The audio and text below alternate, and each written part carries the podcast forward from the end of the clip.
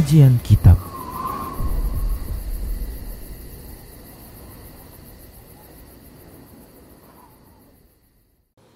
Bismillah, Assalamualaikum warahmatullahi wabarakatuh. Innal hamdalillah nahmaduhu wa nasta'inuhu wa nastaghfiruh wa na'udzu billahi min shururi anfusina wa min sayyiati a'malina. Man yahdihillah fala mudilla lahu ومن يضلله فلا هادي له. وأشهد أن لا إله إلا الله وحده لا شريك له وأشهد أن محمدا عبده ورسوله صلى الله عليه وسلم. قال الله تبارك وتعالى يا أيها الذين آمنوا اتقوا الله حق تقاته ولا تموتن إلا وأنتم مسلمون.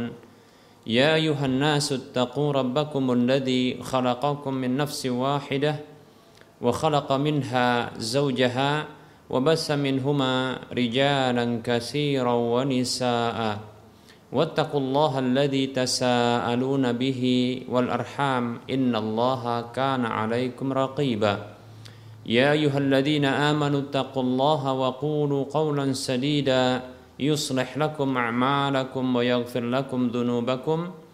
ومن يطع الله ورسوله فقد فاز فوزا عظيما أما بعد. فإن أصدق الحديث كتاب الله وخير الهدى هدى رسول الله صلى الله عليه وسلم. وشر الأمور محدثاتها وكل محدثة بدعة وكل بدعة ضلالة وكل ضلالة في النار.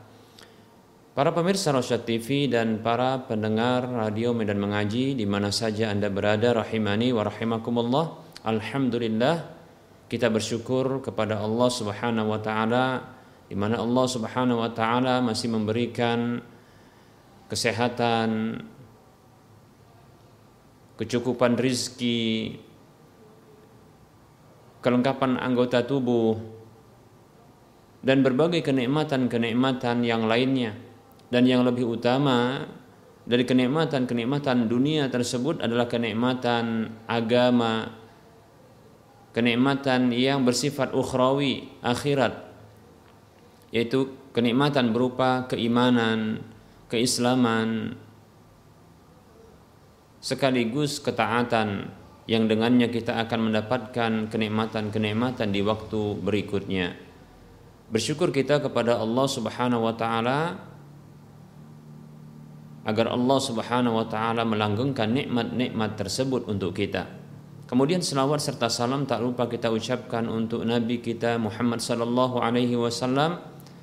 Semoga Allah Subhanahu wa taala memberikan taufik kepada kita untuk bisa terus senantiasa berada di atas ketaatan kepada Allah dan Rasulnya. Baik para hamba Allah rahimani wa rahimakumullah, kita akan lanjutkan pembahasan kitab Minhajul Muslim masih dalam pembahasan akidah dan di antara prinsip-prinsip akidah seorang muslim adalah mengimani wajibnya beramar ma'ruf nahi mungkar, memerintahkan kebaikan dan memerintahkan dengan kebaikan dan melarang dari kemungkaran. Baik para hamba Allah rahimani wa rahimakumullah, pada pertemuan yang lalu sudah kita sebutkan bahwa amar ma'ruf nahi mungkar memerintahkan manusia dengan kebaikan dan mencegah manusia dari kemungkaran ini merupakan bentuk kepedulian, kecintaan sekaligus bentuk empati kepada saudara-saudara seiman. Dan ini merupakan perkara yang merupakan kewajiban dalam agama kita setelah keimanan. Baik para hamba Allah rahimani warahmatullah sebut e, berikutnya kita akan sebutkan dalil-dalil dari Al-Qur'an begitu juga hadis Nabi Shallallahu alaihi wasallam di mana Allah Subhanahu wa taala memerintahkan untuk beramar ma'ruf nahi munkar dan ini sudah kita sebutkan pada pertemuan yang lalu yaitu dalam surah Ali Imran ayat 100 Empat Allah mengatakan a'udzu billahi minasyaitonir rajim wal takum minkum ummatu yad'una ilal khairi wa ya'muruna bil ma'rufi wa yanhauna 'anil munkar wa ulaika humul muflihun. dan hendaklah ada di antara kalian sekelompok umat segolongan umat yang menyeru mengajak kepada kebaikan dan memerintahkan manusia dengan kebaikan sekaligus melarang mencegah mereka dari kemungkaran dan mereka itulah orang-orang yang beruntung. Berikutnya Allah Subhanahu wa taala kita akan sebutkan dalil-dalil di mana Allah Subhanahu wa taala mengkabarkan tentang orang-orang yang berhak untuk mendapatkan pertolongan Allah Subhanahu wa taala dan perlindungan Allah Subhanahu wa taala disebabkan karena mereka itu melakukan amar ma'ruf nahi mungkar yaitu memerintahkan manusia dengan kebaikan dan melarang mencegah mereka dari kemungkaran. Seperti contohnya Allah Subhanahu wa taala berfirman di dalam surah Al-Hajj ayat 41 Allah berfirman A'udzu billahi minasyaitonir rajim alladzina immakkannahum fil ardi aqamus salata wa atawuz zakata wa amaru bil ma'rufi wa 'anil munkar. Orang-orang yang mendapatkan pertolongan Allah Subhanahu wa taala dan perlindungannya adalah mereka orang-orang yang apabila kami kata Allah Subhanahu wa taala apabila kami berikan kedudukan kepada mereka di permukaan bumi ini mereka mendirikan sholat mereka menunaikan zakat mereka memerintahkan manusia yang lainnya dengan kebaikan sekaligus mencegah melarang mereka dari kemungkaran demikian Baik ini ciri dari orang yang Allah Subhanahu wa taala berikan pertolongan kepada mereka dan perlindungan kepada mereka. Allah Subhanahu wa taala ya tatkala memberikan kedudukan di permukaan bumi bagi mereka maka mereka ini termasuk orang-orang yang taat kepada Allah mendirikan salat, menunaikan zakat, bahkan mengajak manusia untuk taat kepada Allah, memerintahkan manusia dengan kebaikan-kebaikan dan mencegah manusia dari keburukan-keburukan. Berikutnya Allah Subhanahu wa taala berfirman di dalam surah At-Taubah ayat 71 Allah berfirman, A'udzu billahi minasyaitonir rajim. Wal mu'minuna wal mu'minatu ba'duhum awliya'u ba'd ya'muruna bil ma'rufi wa yanhauna 'anil munkar wa yuqimuna as-salata wa yu'tuna az-zakata wa yuti'una Allah wa rasulah. Allah berfirman tentang orang-orang beriman. Kata Allah Subhanahu wa taala yang artinya dan orang-orang beriman baik itu laki-laki maupun perempuan sebahagian mereka itu menjadi wali bagi sebagian yang lainnya. Maksudnya adalah orang-orang beriman satu sama lain mereka saling berwala yaitu menunjukkan cinta dan kasih sayang di antara mereka. Nah, di antara bentuk kecintaan ya di antara mereka tersebut mereka tunjukkan dengan cara ya'muruna bil ma'rufi wa yanhauna 'anil munkar mereka itu memerintahkan manusia saudara-saudara mereka dengan kebaikan-kebaikan dan mencegah melarang mereka dari kemungkaran-kemungkaran. Lihat ya.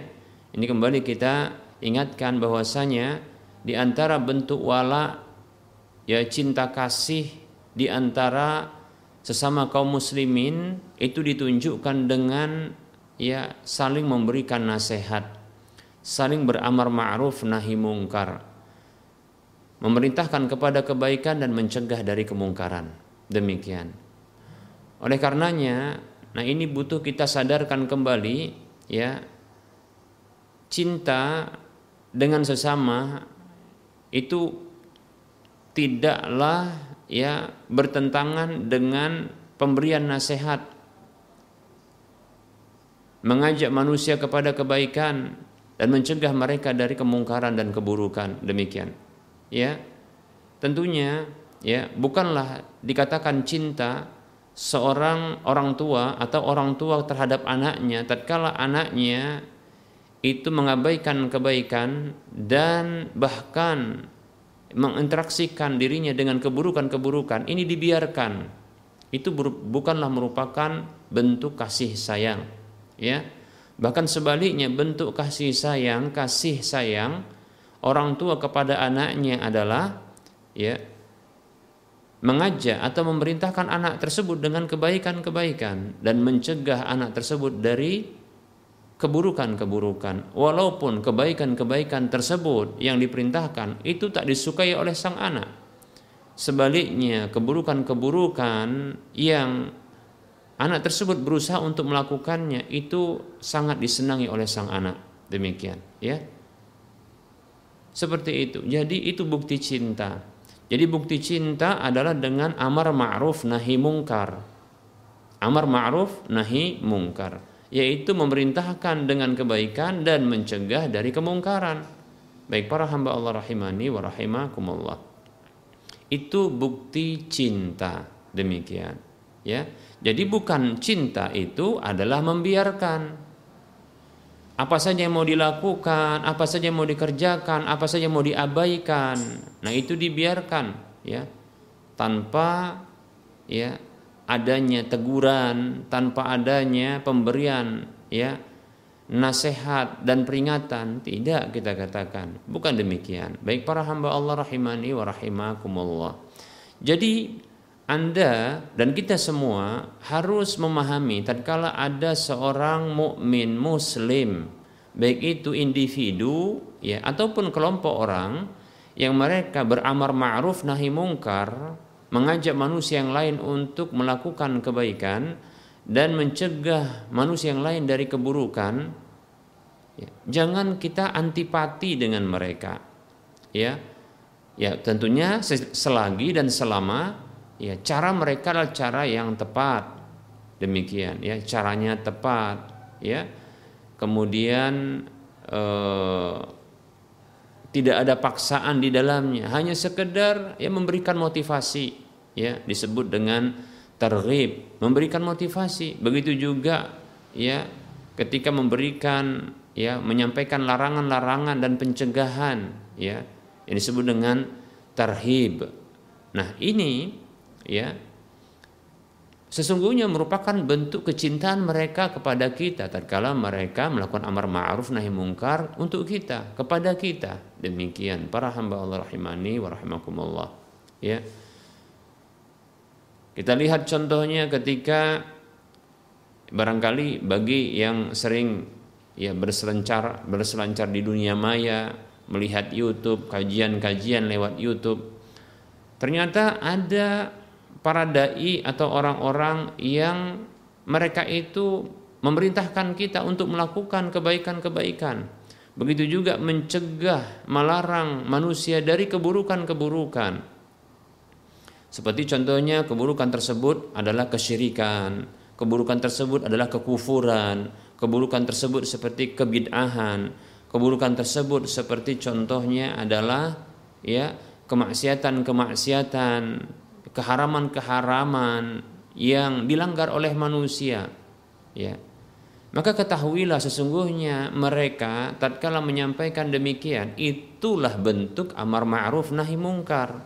Dan tentunya ya kebaikan tersebut ya haruslah disampaikan dan dimotivasi manusia ya kepadanya untuk melakukannya.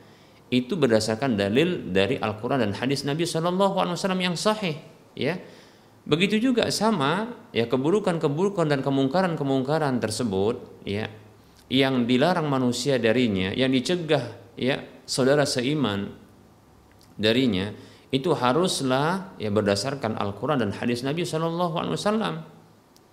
Jadi sesuatu yang baik itu harus dinyatakan baik oleh Allah dan Rasulnya. Begitu juga satu yang mungkar dan satu yang tercela, sesuatu yang dilarang maka adalah sesuatu yang dilarang oleh Allah dan Rasulnya. Demikian. Seperti itu ya. Nah ketika para dai dai tersebut ya baik itu yang kita dapatkan di masjid-masjid di di mimbar-mimbar Jumat ya di kajian-kajian rutin atau barangkali di media sosial ya atau di YouTube barangkali yang kita sering lihat ya maka ketahuilah bila mereka menyampaikan kebaikan itu begitu juga memotivasi mereka untuk melakukan kebaikan. Maksudnya memotivasi manusia untuk melakukan kebaikan. Ya.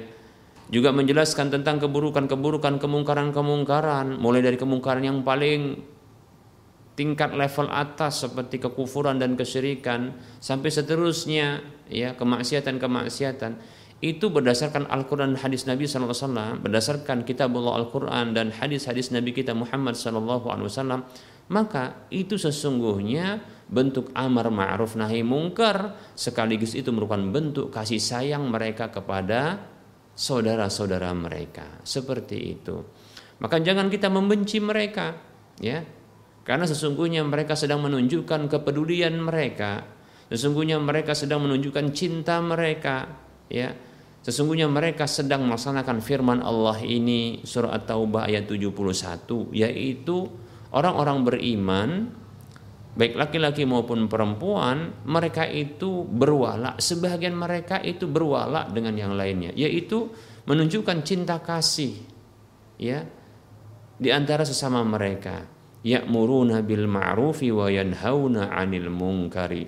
Mereka itu ya memerintahkan saudara seiman orang-orang lain untuk melakukan ya kebaikan-kebaikan ya dan mencegah saudara-saudara seiman manusia yang lainnya itu dari kemungkaran-kemungkaran. Demikian seperti itu ya. Jangan antipati dengan mereka. Bahkan kita berterima kasih dengan mereka. Kita katakan terima kasih syukron jazilan. Ya, bahkan kita doakan mereka jazakumullahu khaira wa barakallahu fikum. Demikian. Kita doakan mereka karena mereka telah mengingatkan kita. Bukankah peringatan itu bermanfaat bagi orang-orang beriman? Allah Subhanahu wa taala berfirman dalam surah Az-Zariyat ayat 55, ya Wadzakir fa inna dzikra tanfa'ul mu'minin. Berilah peringatan karena sesungguhnya peringatan itu bermanfaat bagi orang-orang beriman. Ya, demikian. Nah, ketika ada saudara kita yang mengingatkan kita, ya, untuk melakukan kebaikan atau mengajarkan kita, mengenalkan kita untuk melakukan kebaikan, mengenalkan kita ya kepada kebaikan, lalu mengajak kita untuk melakukan kebaikan. Mengenalkan kepada kita keburukan-keburukan, lalu mencegah kita, melarang kita dari keburukan-keburukan tersebut, maka ketahuilah kita mestinya ya bersyukur kepada Allah, lalu berterima kasih kepada mereka. Demikian, mendoakan mereka. Nah, itu bermanfaat bagi kita sebagai orang beriman. Wa dzakir fa inna dzikra tanfa'ul mu'minin. Berilah peringatan karena sesungguhnya peringatan itu bermanfaat bagi orang-orang beriman. Demikian para hamba Allah rahimani wa rahimakumullah. Bahkan ya kehadiran ya televisi-televisi dakwah seperti ini Rosya TV ya demikian pula Roja TV dan yang lainnya sesungguhnya kehadiran mereka adalah untuk hal ini ya karena ini saluran dakwah untuk mengajak manusia kepada kebaikan dan mencegah manusia dari keburukan. Demikian. Nah, kehadiran-kehadiran televisi seperti ini juga adalah ya dalam rangka hal seperti ini menunjukkan ya kepedulian terhadap sesama kaum muslimin ya menunjukkan cinta kasih kepada sesama kaum muslimin oleh karenanya didukung bukan malah dimusuhi ya oleh karenanya didukung, ya, bukan malah dijauhi atau mengajak manusia untuk menjauhinya. Demikian. Ini tentunya tidaklah dibenarkan, ya, seperti itu. Nah, kalau ada kekurangan dan kesalahan, maka bisa disampaikan untuk perbaikan juga sebagaimana kita sebagaimana kita televisi televisi seperti ini, televisi dakwah seperti ini hadir adalah untuk amar ma'ruf nahi mungkar yaitu mengajak manusia kepada kebaikan dan mencegah dan melarang manusia dari keburukan. Walaupun kita katakan ada juga ya tindakan-tindakan yang terkait dengan kegiatan sosial yang kita lakukan demikian ya. Dan seterusnya ya maka ini mestinya didukung. Karena ini merupakan bentuk apa? Cinta kasih terhadap sesama ya. Ini didukung demikian Demikian pula kita juga menerima nasihat dan perbaikan insya Allah taala. Ya. Kita juga menerima perbaikan. Jika ada contohnya kebaikan yang luput dari kita, maka silahkan diingatkan. Begitu juga jika ada kemungkaran dan kesalahan yang kita lakukan, maka juga diingatkan agar kita bisa ya menghindarkan. Ya. Seperti itu ya. Demikian. Nah, inilah dia sesungguhnya oh, bentuk ya bentuk hubungan yang sangat erat antara kaum muslimin satu dengan yang lainnya. Mereka itu yasuddu ba'duna yasuddu ya ba'duhum ba'da. Mereka itu sebagai mereka ya uh, menguatkan satu dengan yang lainnya. Demikian seperti itu. Ya. Kata Rasulullah, ya orang-orang beriman itu bagaikan bangunan yang menguatkan sebahagian mereka kepada sebagian yang lain. Seperti itu. Dengan seperti ini kita akan kuat, ya. Dengan seperti ini kita akan kuat. Baik para hamba Allah rahimani wa rahimakumullah. Nanti kita akan insya Allah sebutkan bagaimana ya umat-umat terdahulu, sebagian dari umat terdahulu yang mereka itu dibinasakan, dihancurkan oleh Allah Subhanahu wa taala ya karena mereka mengabaikan amar ma'ruf nahi mungkar ini. Ya, demikian para hamba Allah rahimani wa rahimakumullah. Dengan seperti itu mereka hancur karena ternyata itu menunjukkan kelemahan mereka. Ya, tidak ada kekuatan pada mereka. Ya, berbeda dengan umat Islam ini dengan amar ma'ruf nahi mungkar seperti inilah kita akan semakin kuat. Ya, demikian para hamba Allah rahimani wa rahmakumullah. Karena itu merupakan bentuk penjagaan umat ini terus berada di atas kebaikan-kebaikan dan ketaatan-ketaatan kepada Allah Subhanahu wa taala dengan kebaikan dan ketaatan itu kepada Allah maka kita akan mendapatkan kasih sayang Allah Subhanahu wa taala. Allah war rasulah la'allakum turhamun.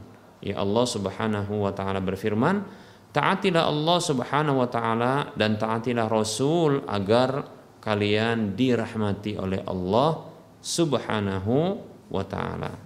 Ya.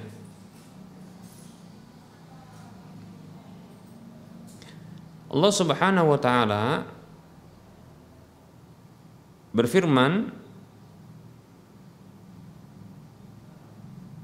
dalam surah Ali Imran ayat 132 Allah mengatakan wa Allah war rasul la'allakum turhamun. Taati Allah dan rasulnya agar kalian dirahmati oleh Allah Subhanahu wa taala. Demikian para hamba Allah rahimani wa rahimakumullah. Ya. Jadi amar ma'ruf nahi mungkar ini merupakan upaya untuk menjaga umat ini terus berada di atas kebaikan dan ketaatan kepada Allah Subhanahu wa taala yang dengan demikian hal ini akan membuat ya umat ini dirahmati mendapatkan kerahmatan dari Allah Subhanahu wa taala. Baik para hamba Allah rahimani wa rahimakumullah. Berikutnya adalah ciri orang beriman tersebut selain mereka itu ya beramar ma'ruf nahi mungkar sesama mereka wa yuqimuna mereka mendirikan salat ya. Wa zakah mereka menunaikan zakat. Nah ini ciri orang beriman mendirikan salat menunaikan zakat ya. Mendirikan salat ya. Bagi laki-laki maka mereka mendirikan salat di tempat di mana ya diserukan ya panggilan salat tersebut yaitu di tempat-tempat ibadah seperti masjid, begitu juga musola atau langgar atau yang semisalnya demikian ya. Wa yutuna zakah dan mereka juga mendiri, uh, menunaikan zakat, menunaikan zakat. Bahkan zakat juga merupakan bentuk kepedulian terhadap sesama. Karena itu adalah hak harta yang ini harus dibagikan, diarahkan kepada orang-orang yang membutuhkan, pihak-pihak yang membutuhkan. Demikian para hamba Allah rahimani warahmatullah. Kemudian wa yuti'unallaha wa rasulahu dan mereka itu taat kepada Allah dan Rasulnya. Itulah ciri orang-orang beriman yang di antaranya adalah beramar ma'ruf nahi mungkar. Mengajak manusia ya memerintahkan manusia dengan kebaikan dan mencegah melarang manusia dari kemungkaran dan keburukan. Baik para hamba Allah rahimani wa rahimakumullah. Berikutnya Allah Subhanahu wa taala berfirman mengkabarkan tentang walinya yaitu Luqman Al-Hakim. Ya menurut pendapat yang kuat ya bahwasanya Luqman Al-Hakim ini adalah seorang wali dari wali-wali Allah Subhanahu wa taala. Di mana Luqman Al-Hakim rahimahullahu taala alaihi salam ini beliau memberikan wejangan kepada anaknya dan ini juga eh, ini tentunya ya ini juga tentunya ini eh, adalah pelajaran bagi kita untuk bisa memberikan wejangan yang sama terhadap ya anak turunan kita dengan wejangan yang sama seperti ini. Allah Subhanahu wa taala berfirman, Allah Allah Subhanahu wa taala berfirman mengabadikan perkataan Luqman Al-Hakim dalam surah Luqman ayat 17. A'udzu billahi minasyaitonir rajim. Ya bunayya aqimis salata wa'mur bil ma'rufi wanha 'anil munkari wasbir 'ala ma asabaka inna dzalika min azmil umur. Allah Subhanahu wa taala berfirman mengabadikan perkataan walinya Luqman Al-Hakim kepada anaknya yang artinya wahai Ananda ya panggilan yang luar biasa untuk anaknya agar sang anak ini merasakan kelemah lembutan orang tuanya. Dipanggil dengan ananda ya bunayya. Ya. Ini barangkali ya eh, sangat jarang ya di lisan-lisan kita. Berlaku berlaku lemah lembut terhadap ya keluarga kita, orang-orang sekitar kita, orang-orang yang kita cintai, berlaku lemah lembut dengan panggilan-panggilan kasih sayang seperti ini. Ya, kalau bisa uh, kita mulai dari sekarang. Kalau bisa kita mulai dari sekarang, ya. Ya bunaya, ya kalau mungkin dalam bahasa kita saat ini disebut dengan na begitu, ya. Na atau ananda, mungkin kalau ananda ini sepertinya Eh, terkadang ada sebagian anak yang dikasih nama dengan diberi nama dengan ananda. Ya terkadang sang anak pun bisa e, salah paham dengan ungkapan ini. Ya yang biasa nak ya ndu begitu kalau orang Jawa bilang ya. Nak begitu. Ya bunaya wahai ananda akimis salah. Dirikanlah salat masya Allah ya. Dirikan salat wa'mur bil ma'ruf. Nah, setelah mendirikan salat, apa itu? Wa'mur bil ma'ruf. Perintahkan manusia yang lain dengan kebaikan. Wanha 'anil munkar. Dan cegahlah, laranglah manusia yang lainnya dari kemungkaran. Ya. Bukan prinsip orang sekarang ya urusan lu urusan lu, urusan lu, urus sendiri, urusan gue, gue urus sendiri, begitu. Tidak, tidak begitu. Ya, tidak demikian. Bukan kita ini individualistis dalam Islam tidak ada, ya. Tapi memang kita katakan, ya, amar ma'ruf nahi mungkar itu tetap kita jalankan tapi dengan prinsip skala prioritas, mana yang paling utama untuk didahulukan. Ya tentunya adalah perkara-perkara yang sangat penting ya. Yang sangat penting yang paling penting seperti contohnya mengingatkan tentang rukun Islam tentang ya syahadat tauhid dan syahadat rasul. Nah itu yang diingatkan. Hak Allah dan hak rasulnya. Kemudian sholat kemudian zakat ya kemudian puasa kemudian haji. Nah seperti itu ya. Ya walaupun kita katakan bisa juga ya kalau ya sangat memungkinkan untuk disampaikan hal-hal yang lainnya, kebaikan-kebaikan yang lainnya itu disampaikan. Begitu juga ya ketika ada kemungkaran-kemungkaran yang lainnya juga yang dikerjakan demikian. Maka kita lakukan amar ma'ruf nahi mungkar, tapi tetap saja melakukan skala prioritas demikian ya. Baik para hamba Allah rahimani wa Kemudian wasbir ala ma asabaka dan bersabarlah wahai ananda terhadap apa yang menimpamu. Baik para hamba Allah rahimani wa rahimakumullah, ya. Mendirikan solat, ya ini pesan kita kepada anak-anak lewat ayat ini di mana Allah Subhanahu wa taala mengabadikan perkataan wali beliau wali Allah Subhanahu wa taala yaitu ya beliau yang bernama uh, Luqman Al Hakim ya yang mengajar kepada anaknya untuk dirikan sholat. Ini pelajaran juga kepada kita untuk kita ajarkan anak kita sholat. Ya, bahkan ya Nabi kita Muhammad SAW memberikan tuntunan ya untuk mengajarkan sholat kepada anak di usia yang sangat dini, di usia tujuh tahun, ya. Kata Nabi SAW, ya,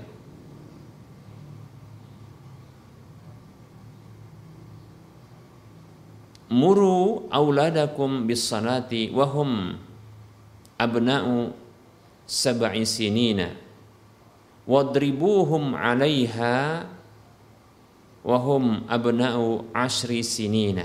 Wa farriqu bainahum fil madaji' kata Nabi sallallahu alaihi wasallam perintahkanlah anak-anak kalian untuk sholat ketika mereka berusia tujuh tahun tujuh tahun diperintahkan sholat ya. Sebelum itu boleh tidak? Bukan perintah tapi sifatnya adalah ya ajakan atau ya kita katakan bentuk ya teladan dengan tindakan. Di mana ya e, kita biarkan anak-anak kita menyaksikan kita sholat sedang sholat. Nah seperti itu. Demikian ya. Nah eh, adapun anak-anak kecil bila dikhawatirkan mengganggu ketika dibawa ke masjid maka sebaiknya ajarkan kepada mereka untuk bisa melihat sholat ya orang tuanya seperti mungkin ibunya ya agar melihat ya sholat ibunya di rumahnya demikian. Begitu juga ayahnya yang melakukan sholat-sholat sunat di rumahnya demikian. Seperti itu sehingga nanti mereka akan belajar gerakan-gerakan sholat. Demikian seperti itu ya. Nah ketika mereka sudah berusia tujuh tahun yang ini usia mumayyiz, usia tamyiz, yang bisa membedakan antara baik dan buruk ada rasa malu ya. Ada rasa e, begitu juga takut ya. Sudah juga tahu tentang mana yang selayaknya untuk dikerjakan walaupun tidak semua ya. Tapi insya Allah taala usia tujuh tahun insya Allah sudah bisa ya mendapatkan perintah. Buktinya Nabi kita Muhammad SAW memerintahkan anak usia tujuh tahun untuk sholat. Demikian. Maka ajak ya anak laki-laki untuk sholat di masjid, perintahkan anak sol, uh, anak perempuan untuk sholat di rumah bersama dengan ibunya. Demikian seperti itu. Para hamba Allah rahimani wa rahimakumullah. Dan kata Nabi SAW, ya wadribuhum alaiha. Dan pukullah mereka ya tentang sholat tersebut pada perihal sholat tersebut apabila mereka mengabaikannya. Tentunya dengan pukulan yang tidak membahayakan dan tidak mencelakakan. Jangan sampai pukulan membuat mereka itu lumpuh ya. Pukulan yang ternyata menyebabkan luka lebar demikian. Bukan ya. Pukulan yang yang ini sesungguhnya sudah cukup membuat mereka ini jerah demikian. Ada efek jerahnya ya. Tidak perlu sebenarnya ya e, membuat luka ya tapi sudah mampu akan tetapi cukuplah itu mampu menyentuh hatinya demikian bahwasanya orang tuanya ini marah tatkala ketetapan Allah Subhanahu wa taala ini dilanggar. Seperti itu. Baik para hamba Allah rahimani rahimakumullah.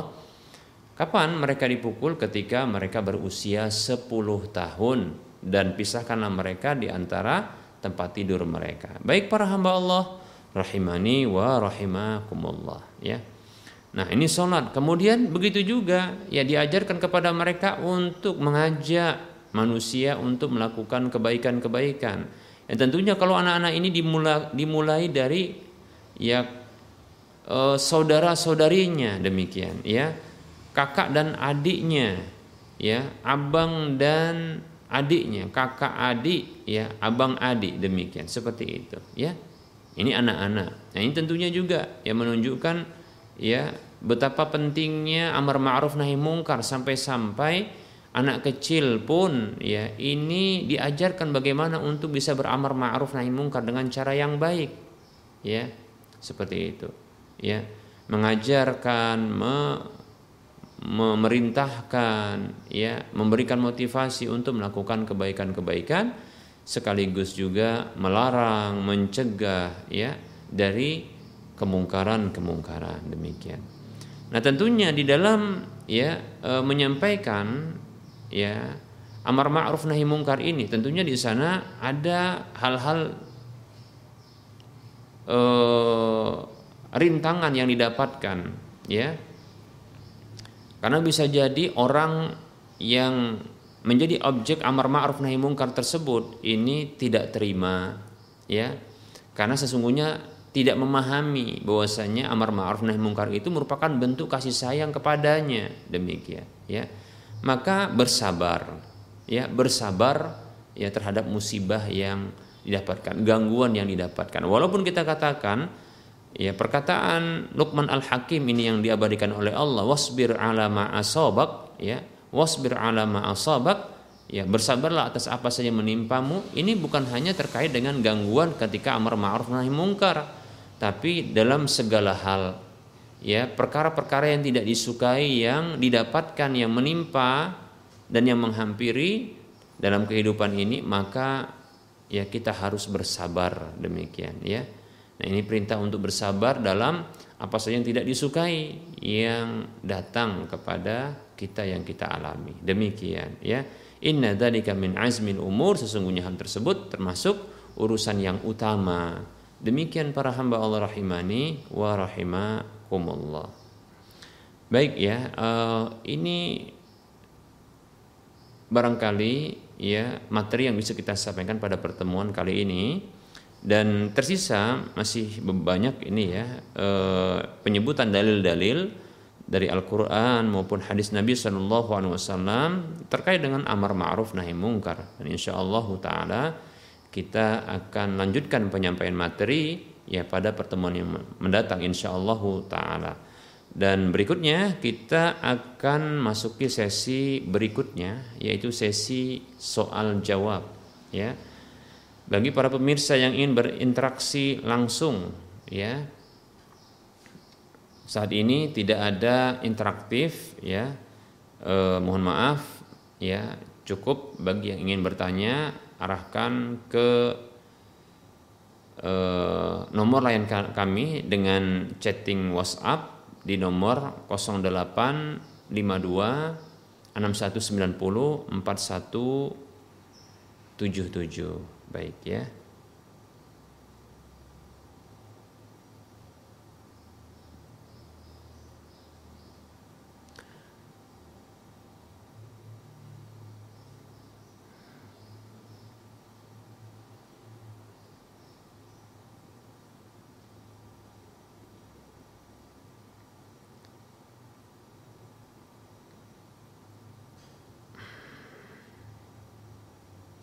Baik kita akan menjawab pertanyaan yang telah masuk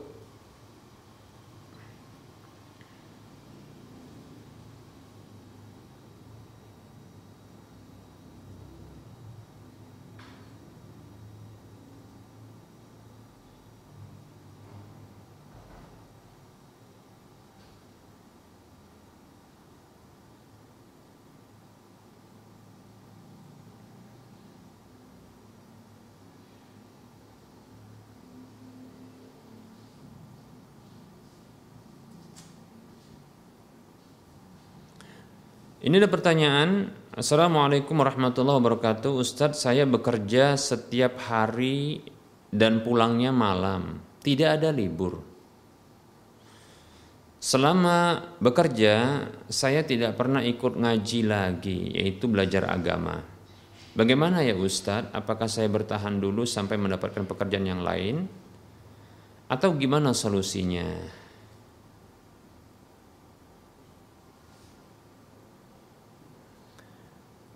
Waalaikumsalam warahmatullahi wabarakatuh. Sesungguhnya mencari nafkah ya, adalah kewajiban ya bagi laki-laki. Lebih-lebih tatkala dia memiliki orang-orang yang ditanggungnya untuk diberikan nafkahnya maka ini kewajiban ya karena menyanyiakan orang yang menjadi tanggung jawabnya untuk di beri nafkahnya adalah merupakan dosa. Kata Nabi Shallallahu Alaihi Wasallam, "Kafa bil mar'i isman an yudai'a man yaqutu." Cukuplah seseorang itu berdosa ia menyanyiakan orang yang ditanggung nafkahnya demikian. Baik ya. Jadi wajib untuk mencari nafkah. Hanya saja wajib pula untuk menuntut ilmu. Karena Nabi Shallallahu Alaihi Wasallam beliau bersabda, "Talabul ilmi faridatun ala ala kulli muslim." Talabul ilmi faridatun ala kulli muslim. Hadis riwayat Ibnu Majah. Menuntut ilmu adalah wajib bagi setiap muslim. Baik ya. Pekerjaan ini pilihannya banyak. Sebagaimana juga menuntut ilmu juga pilihannya banyak. Maka sebaiknya hendaknya kita dalam melakukan kewajiban-kewajiban tersebut tidaklah membenturkan satu dengan yang lainnya. Ya.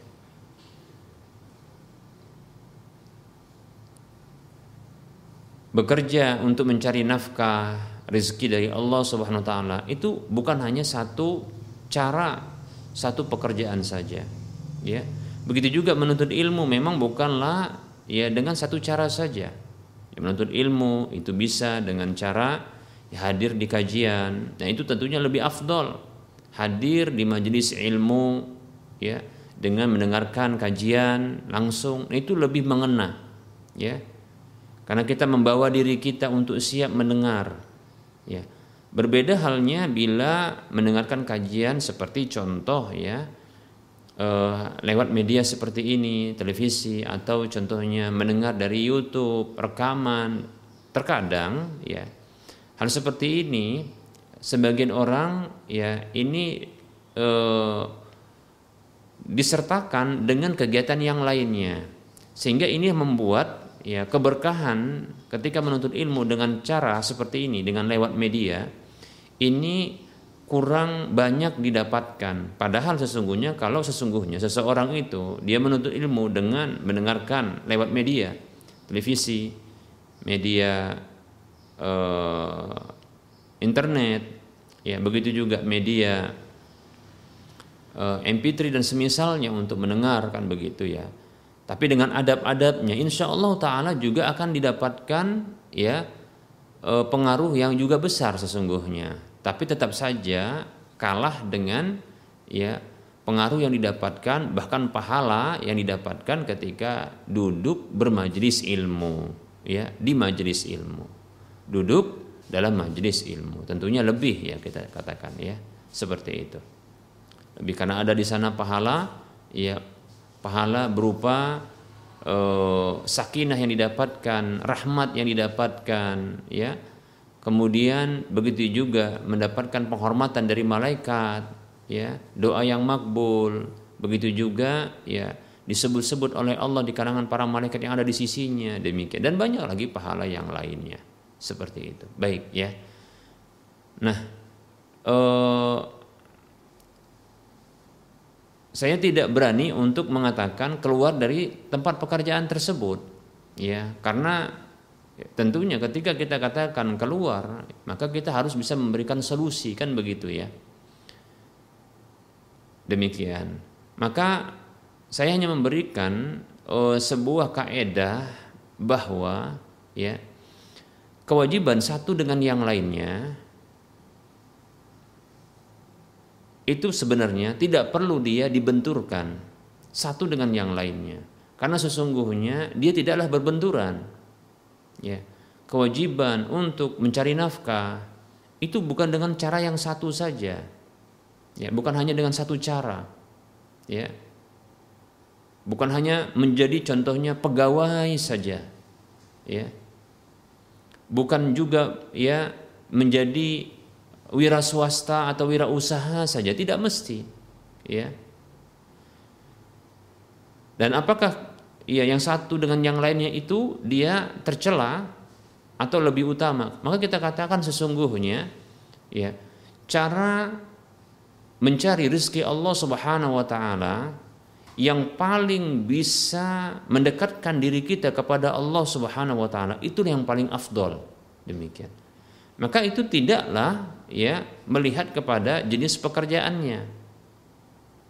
Seperti contohnya apakah menjadi contohnya wirausaha pedagang itu kita katakan lebih afdol ya ketimbang orang yang hanya menjadi pegawai? Maka kita katakan tidak juga.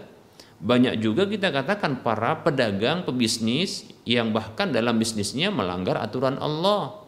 Ya, ada riba, ya, ada goror, ya. Lupa kepada Allah, ya sholat pun tidak, padahal waktunya lapang kan begitu, bisa diatur kata orang, kan begitu. Tapi tidak juga, malah itu melalaikan ya untuk mengingat Allah, untuk melakukan kewajiban-kewajiban dalam agama demikian. Ya. Seperti itu. Ya. Nah, bisa juga menjadi pegawai ternyata ini menjadi lapang ya lapang untuk melakukan ketaatan kepada Allah sangat mungkin walaupun barangkali ya uh, untuk gaji dia lebih mungkin lebih stagnan ya sulit untuk bisa naik. Tapi kalau dia dengan berdagang sangat mungkin ya. Ini fluktuatif yang sangat tinggi ya. Sangat tinggi fluktuatifnya, sangat mungkin ya potensi fluktuatif yang sangat tinggi demikian seperti itu.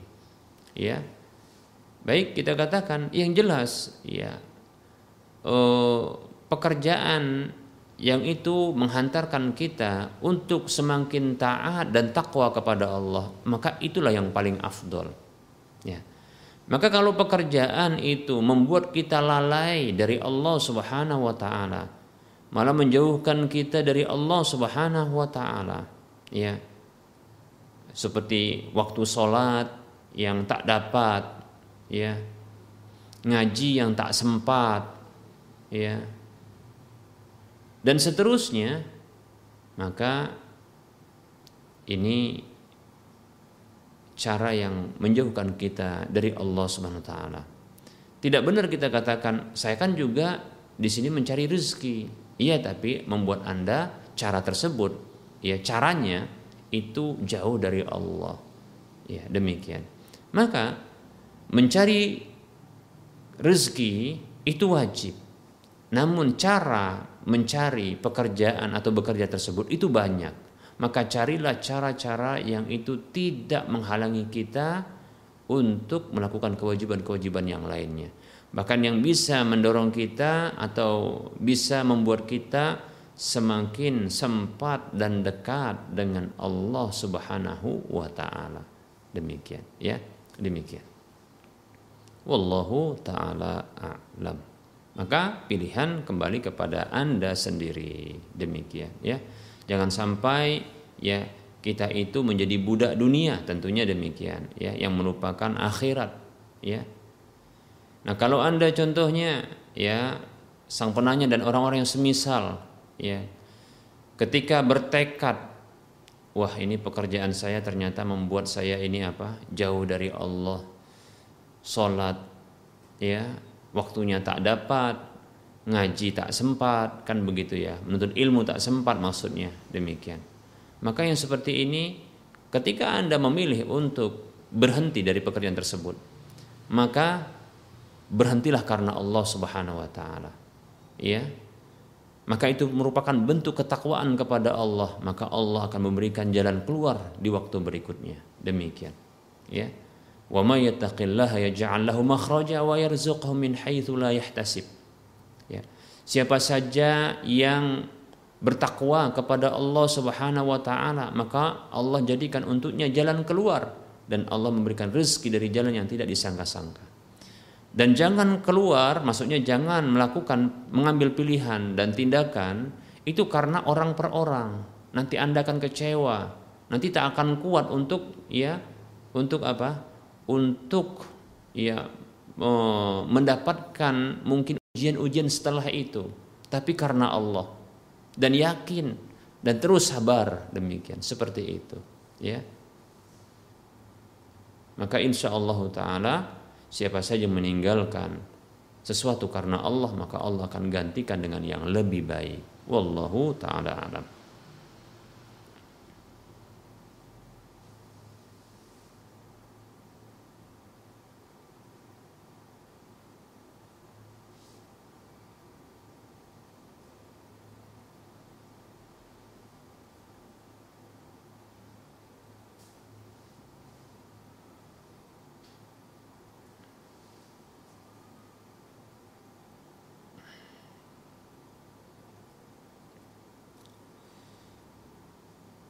Baik, ini ada pertanyaan.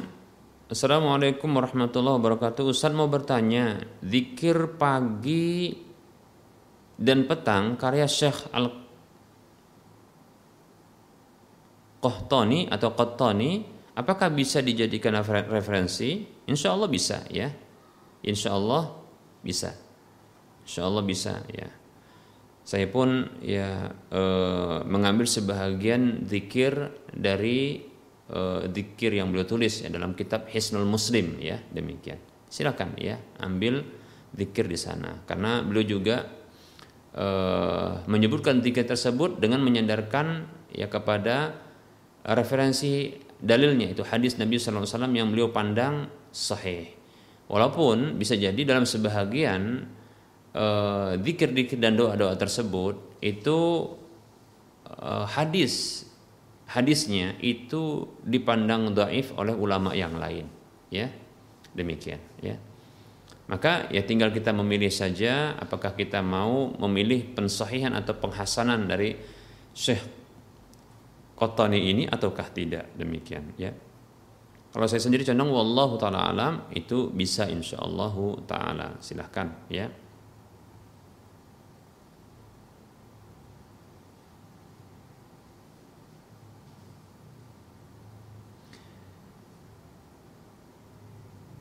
Baik ya, berikutnya.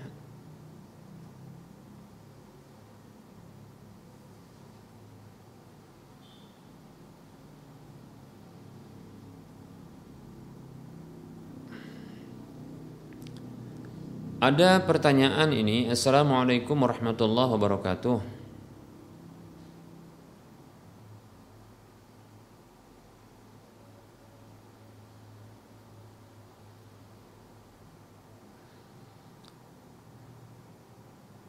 Apa hukum bekerja di perbajakan dan biaya cukai? Baik ya. Nah, ini perlu untuk dijawab ini ya.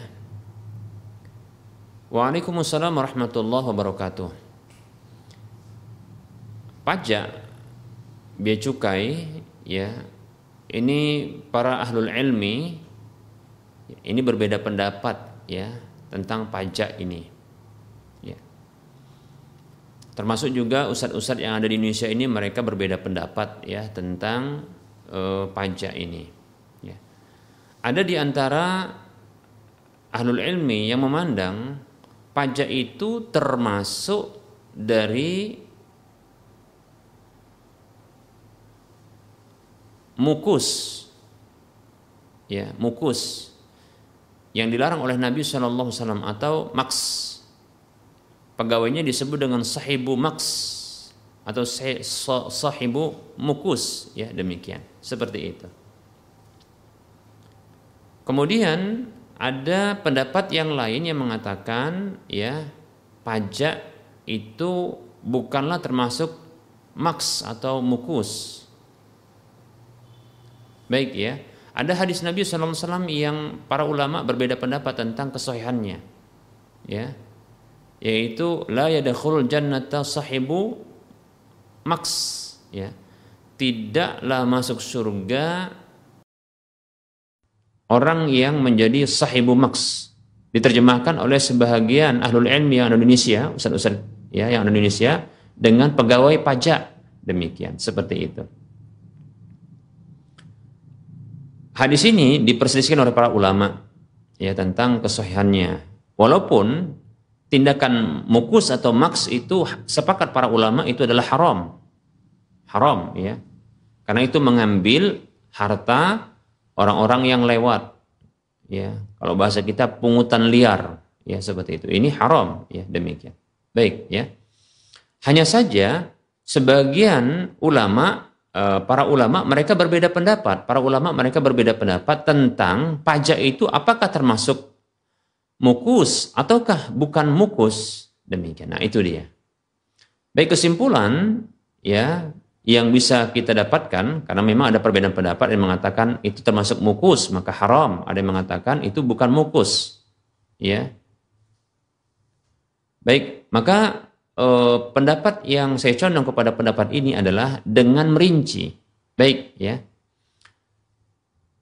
pajak atau biaya cukai ya tentunya ini adalah diambil harta dari rakyat kaum muslimin ataupun orang kafir. Ya. Kalau dari orang kafir maka ini dibenarkan karena memang ya ada disebut dengan jizyah, boleh untuk ditarik dari mereka jizyah.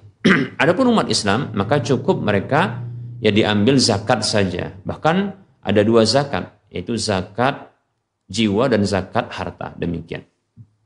Dan zakat harta itu banyak ya jenis-jenisnya demikian. Ya, maka sudah cukup dengan itu saja. Namun Bagaimana apabila pemerintah kaum muslimin itu memperlakukan pajak secara merata baik muslim ataupun kafir? Ya seperti itu. Maka rinciannya seperti ini. Ya apabila ya eh, pajak tersebut yang diberlakukan kepada kaum muslimin maupun orang-orang kafir secara, secara merata ini penggunaannya pemanfaatannya itu maslahatnya kembali kepada penarik pajak semata hanya khusus kepada mereka maka inilah yang terlarang. Karena itulah bukti dari maks atau mukus tersebut ya. Maka semua ancaman terkait dengan tindakan maks atau mukus itu ya itu bisa diberlakukan pada jenis yang ini atau rincian yang ini. Kemudian yang kedua apabila maks atau mukus apa namanya eh, pajak tersebut yang diberlakukan kepada rakyat baik itu yang muslim maupun yang kafir itu maslahatnya dikembalikan juga kepada seluruh mereka kaum mus, uh, kaum muslimin maupun orang kafir. Bahkan baik itu penyelenggara negara begitu juga rakyatnya ya. Ini mendapatkan maslahat dari pemungutan pajak tersebut. Maka ini tidak terlarang ya karena ini bukan mengambil paksa ya bukan mengambil paksa dan bukan maslahatnya kembali kepada kepada eh, apa namanya kepada orang tertentu saja tapi kepada seluruh rakyat. Wallahu taala alam ya ini pendapat yang kuat. Tinggal kita lihat saja apakah pajak yang ada di Indonesia atau bea cukai Indonesia ini ini masalahnya kembali kepada Indonesia eh, kepada rakyat secara menyeluruh ataukah kepada orang-orang tertentu saja, lebih khusus kepada pemungutnya, ya. Wallahu taala a'lam. Baik, eh, kita cukupkan untuk penyampaian materi kita pada pertemuan kali ini karena sudah masuk waktu sholat duhur untuk wilayah Medan dan sekitarnya. Tentunya dalam penyampaian ini banyak kesalahan dan kekurangan. Ya kepada Allah saya mohon ampun dan kepada para pemirsa sekalian dan para pendengar saya mohon maaf ya kebenaran maka ambillah. Kekurangan dan kesalahan maka itu tinggalkanlah. Sebelum berakhir seperti biasa kita motivasi kaum muslimin seluruhnya. Mari kita berdonasi untuk membebaskan lahan yang nantinya akan dibangun di atas lahan tersebut Masjid Al-Muwahhidin untuk wilayah Medan dan sekitarnya. Kekurangan dana 4,2 miliar. Silahkan arahkan ya harta Anda yang akan menjadi aset akhirat Anda yang terus mengalir pahalanya, pahalanya kepada Anda ke Bank Syariah Mandiri atau Bank Syariah Indonesia. Di nomor 7127485 di Bank Syariah Mandiri atau Bank Syariah Indonesia di nomor 7127485 atas nama Yayasan Lajana Dakwah Medan kode bank 451 semoga kita semua termotivasi dan semoga bermanfaat Wassallallahu ala Muhammad wa ala alihi wa ashabihi ajma'in. Subhanakallahumma wa bihamdika asyhadu an la ilaha illa anta astaghfiruka wa atubu ilaika walhamdulillahi rabbil alamin. Wassalamualaikum warahmatullahi wabarakatuh.